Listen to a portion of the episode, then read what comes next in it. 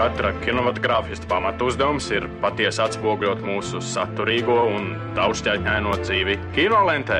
Izceļot tipisko un izlaižot mazsvarīgo, akcentējot panākumus un nenoklusējot dažkārt sastopamus trūkumus. Balansējiet, nu godājiet vēseli inženieri starp pienākumu un varēšanu.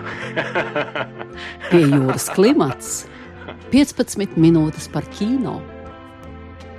Dziedot dzimu, dziedot augu, dziedot mūžu nodzīvoj.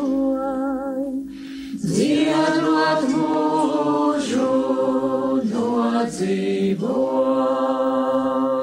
Dziedot gājot veselīte, Dieva dēlu dārziņā.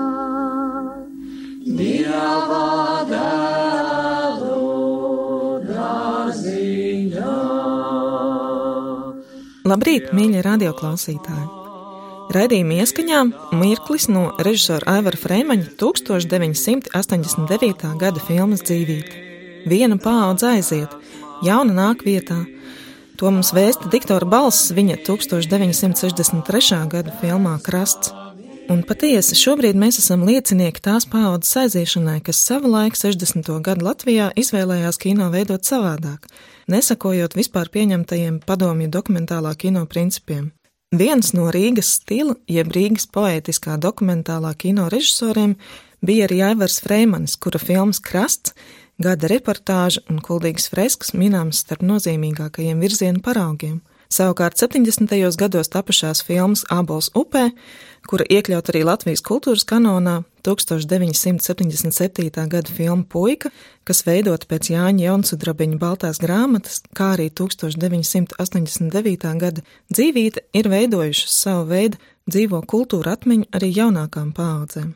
Režisors, no kura šonadēļ atvadāmies, ir atstājis mums ne tikai savas filmas un kurzemnieku humoru caurstrāvotos stāstus, apkopots vairākās grāmatās, viņš ir arī viens no varoņiem Kristīnas Briedas topošajā filmā Laika tilti, kuras pirmizrāda plānota aprīļa vidū. Jau pēc brīža uz sarunu studijā gaidām portāla kinoraksti galveno redaktoru Kristīnu Matīsu un kinoproducentu Uldu Cekuli, kuru studijā top laika tilti. Un sarunas ievadā filmas Ābols upē pirmās minūtes.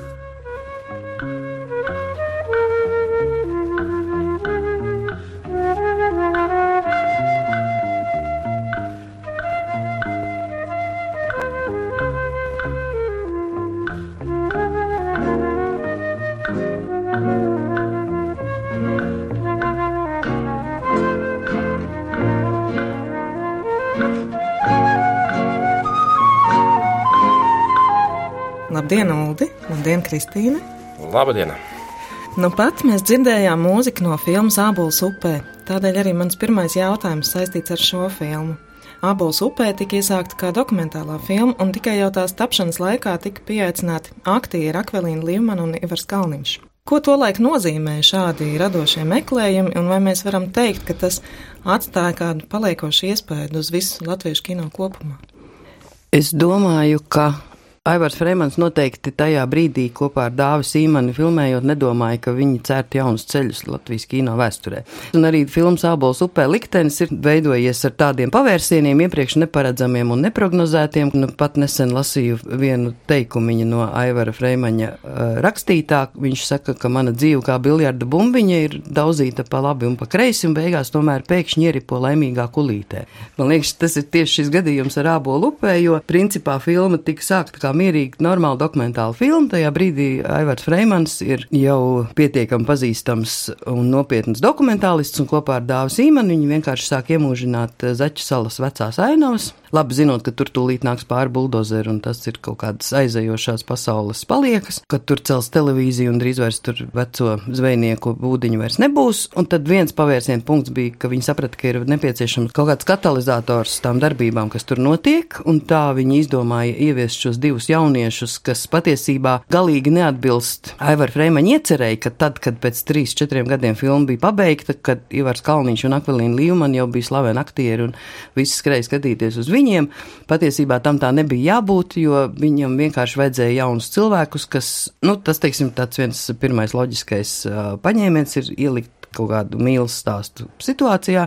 Tas, protams, veiksmīgi izdevās, un otra pēkšņā laimīgā ieripošana laimīgajā kulītē ir gandrīz vai kā latvieši saka, uz cita nelaime izstiepies uz savu saraujies. Tajā brīdī tā nelaime ir, ka Rīgas kinostīs ražošanas plānā pēkšņi pietrūkst vienas vienības, jo Rolanda Kalniņa filma Piejūras klimats ko ļoti simboliski pieminēt šodien šajā raidījumā. Tieši 1974. gadā tiek aizklapēta cieta, kā toreiz teica, un ražošana pārtraukta. Tas nozīmē, ka Rīgas kinostudijā, kas strādā kā kārtīgs ražošanas mehānisms, pēkšņi zobratis atcērtās un pietrūkst vienas plāna vienības. Uldi, sociālajos tīklos raksti. Ābols upē iedrošināja eksperimentēt, kāpt ārā no žanra robežām. Viens no maniem inspirācijas avotiem. Nu, man no bērnības atmiņas ir nāves ēnā un ābols upē iespiedušās atmiņā iespējams ir ietekmējušas manu tādu uzdrošināšanos vai arī tādu uztrenējušas manu emociju gamu, jo mūsdienās arī mēs tagad liekam animāciju kopā ar dokumentālo kino vai spēļu filmas elementus, bet Ābols upē tā ir īsta mūsdienīga hibrīda filma, kurā sadzīvo. dabiski veidojusies, nevis sakonstruēts. Pilnīgi, pilnīgi. Pie tam vēl es abrīnoju arī tās lokācijas izvēles, gan tas Hesa būvlaukums, ja, kur tie arheologi un nu, šīs vietas, kuras šodien vairs nav, kad Aivars zināja, tas ir bez šī koncepta. Viņš ir, manuprāt, saglabājis fantastiskāko Rīgas vēsturi, kā vēstures dokumentu, kā vēstures liecību, kā gravīru, kā tādu vitrāžu domu baznīcā. Nu, tā Vēl Rīga. vienā arhitekta lektorijā rādīja Ābola upē, kā sunīja pirms Nu, kādiem gadiem. Un uh, tad arī es iedomājos, ka vidus filmas studija kādreiz bija jaunībā, mēs tur ņēmāmies un džezojām, un cik mēs tur krūti, un tagad es apstījos kodīgas freskas. O, kam on!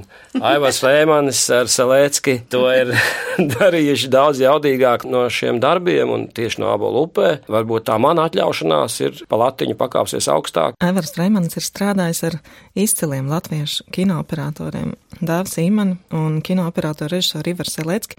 Vai tu ar savu kinooperatoru pieredzi redzi šo spēcīgo un talantīgo personību sadarbību uz ekrāna? Viennozīmīgi gan tajā pašā abolas upē, gan freskās kadrējums. Tā ir lieta, šī POV, point of view, sk- skata punkts, ja, latviski. Gaismu spēles arī, ja, kā tā ēna kritīs, vai kāda tur būs gaisma. Un gleznošana, kas šodien varbūt samazinās, spekulējot uz tehnoloģiju iespējām, Tu ierunājies par to gleznošanu ne jau velti. Filma Puika, kur operators bija Dāvis Sīmanis, pirmo savu diplomu saņēma Visavienības mērogā par glezniecisku filmas attēlu.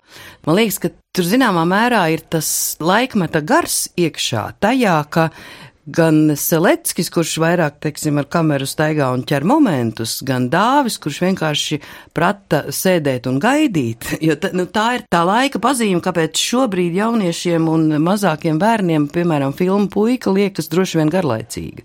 Tāpēc, ka tur patiešām visi tie dabas ritmi, viņi tā ļoti lēni un ar kameru līdzi izsekojot arī ir izturēti. Ja zirdziņš velk vezumiņu gar meža malu, tad viņš to dara kārtīgi, pusotru minūti vai divas.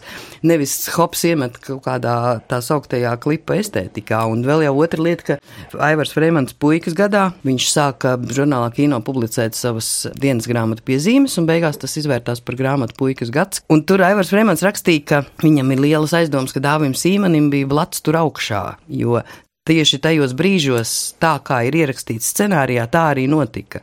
Ja ir ierakstīts scenārijā, ka sāk snikt lielām, lēnām pārslām, tad vajag tikai dāvim Sīmanim uzlikt kameru un sāk snikt lielām, lēnām pārslām. un mīgla arī bija tad, kad vajadzēja miglu. Jā. Kristīna, vai tu varētu mazliet iezīmēt Aivara Frēmiņa personību, kā apvienojās tās abas šķautnes - joku plēsējs un talantīgs dokumentālists? Tā ir tā rakstura iezīme, kas man liek domāt un ik pa laikam arī izklaigāties, ka Aivaram Preimanim, kā režisoram, ir vislabākā humora izjūta starp Latvijas kino režisoriem.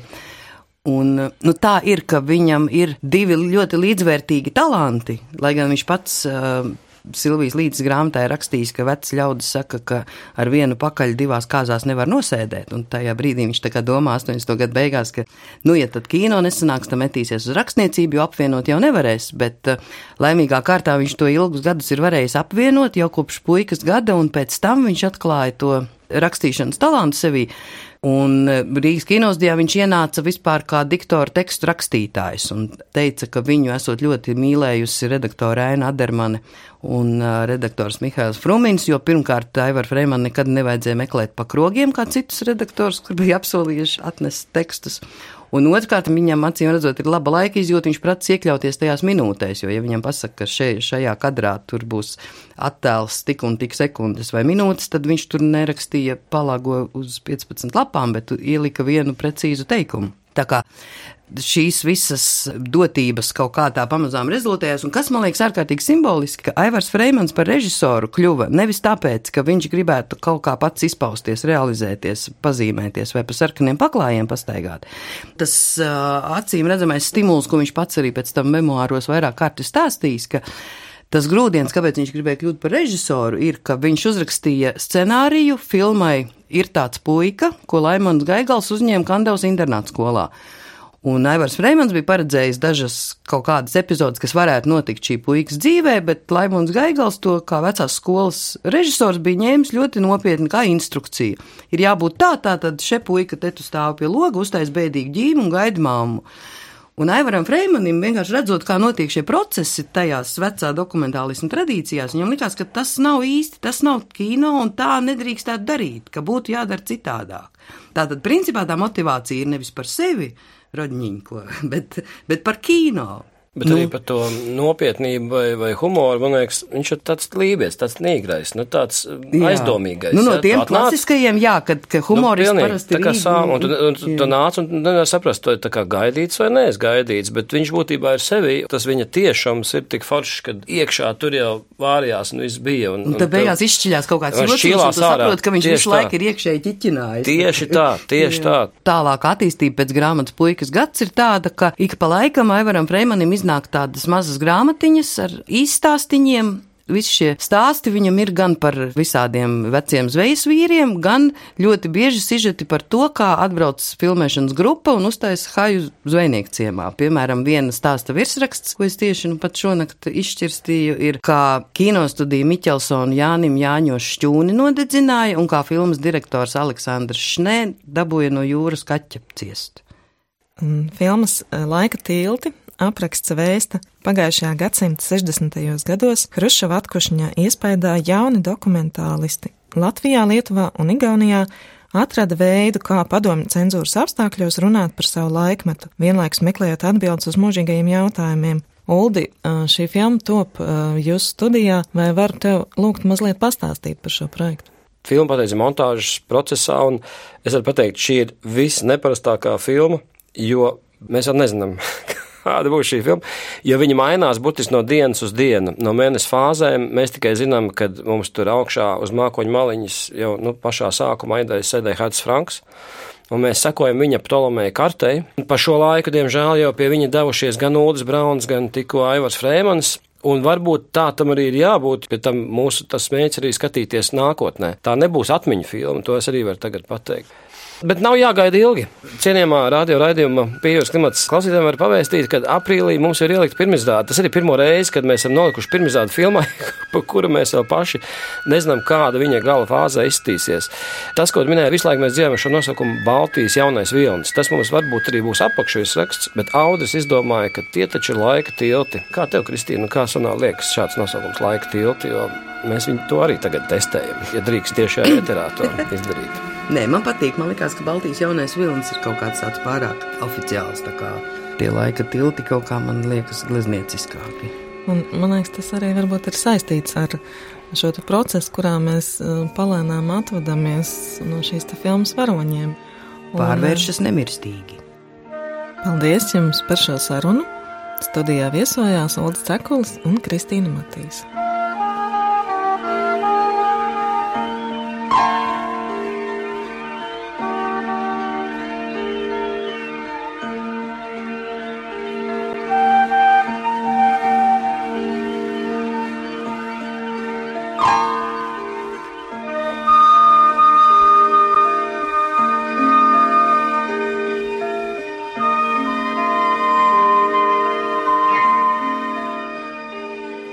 Raidījumu vadīja Sonora Broka, piejūras klimata producentes Inga Saksona un Agnese Zeltiņa.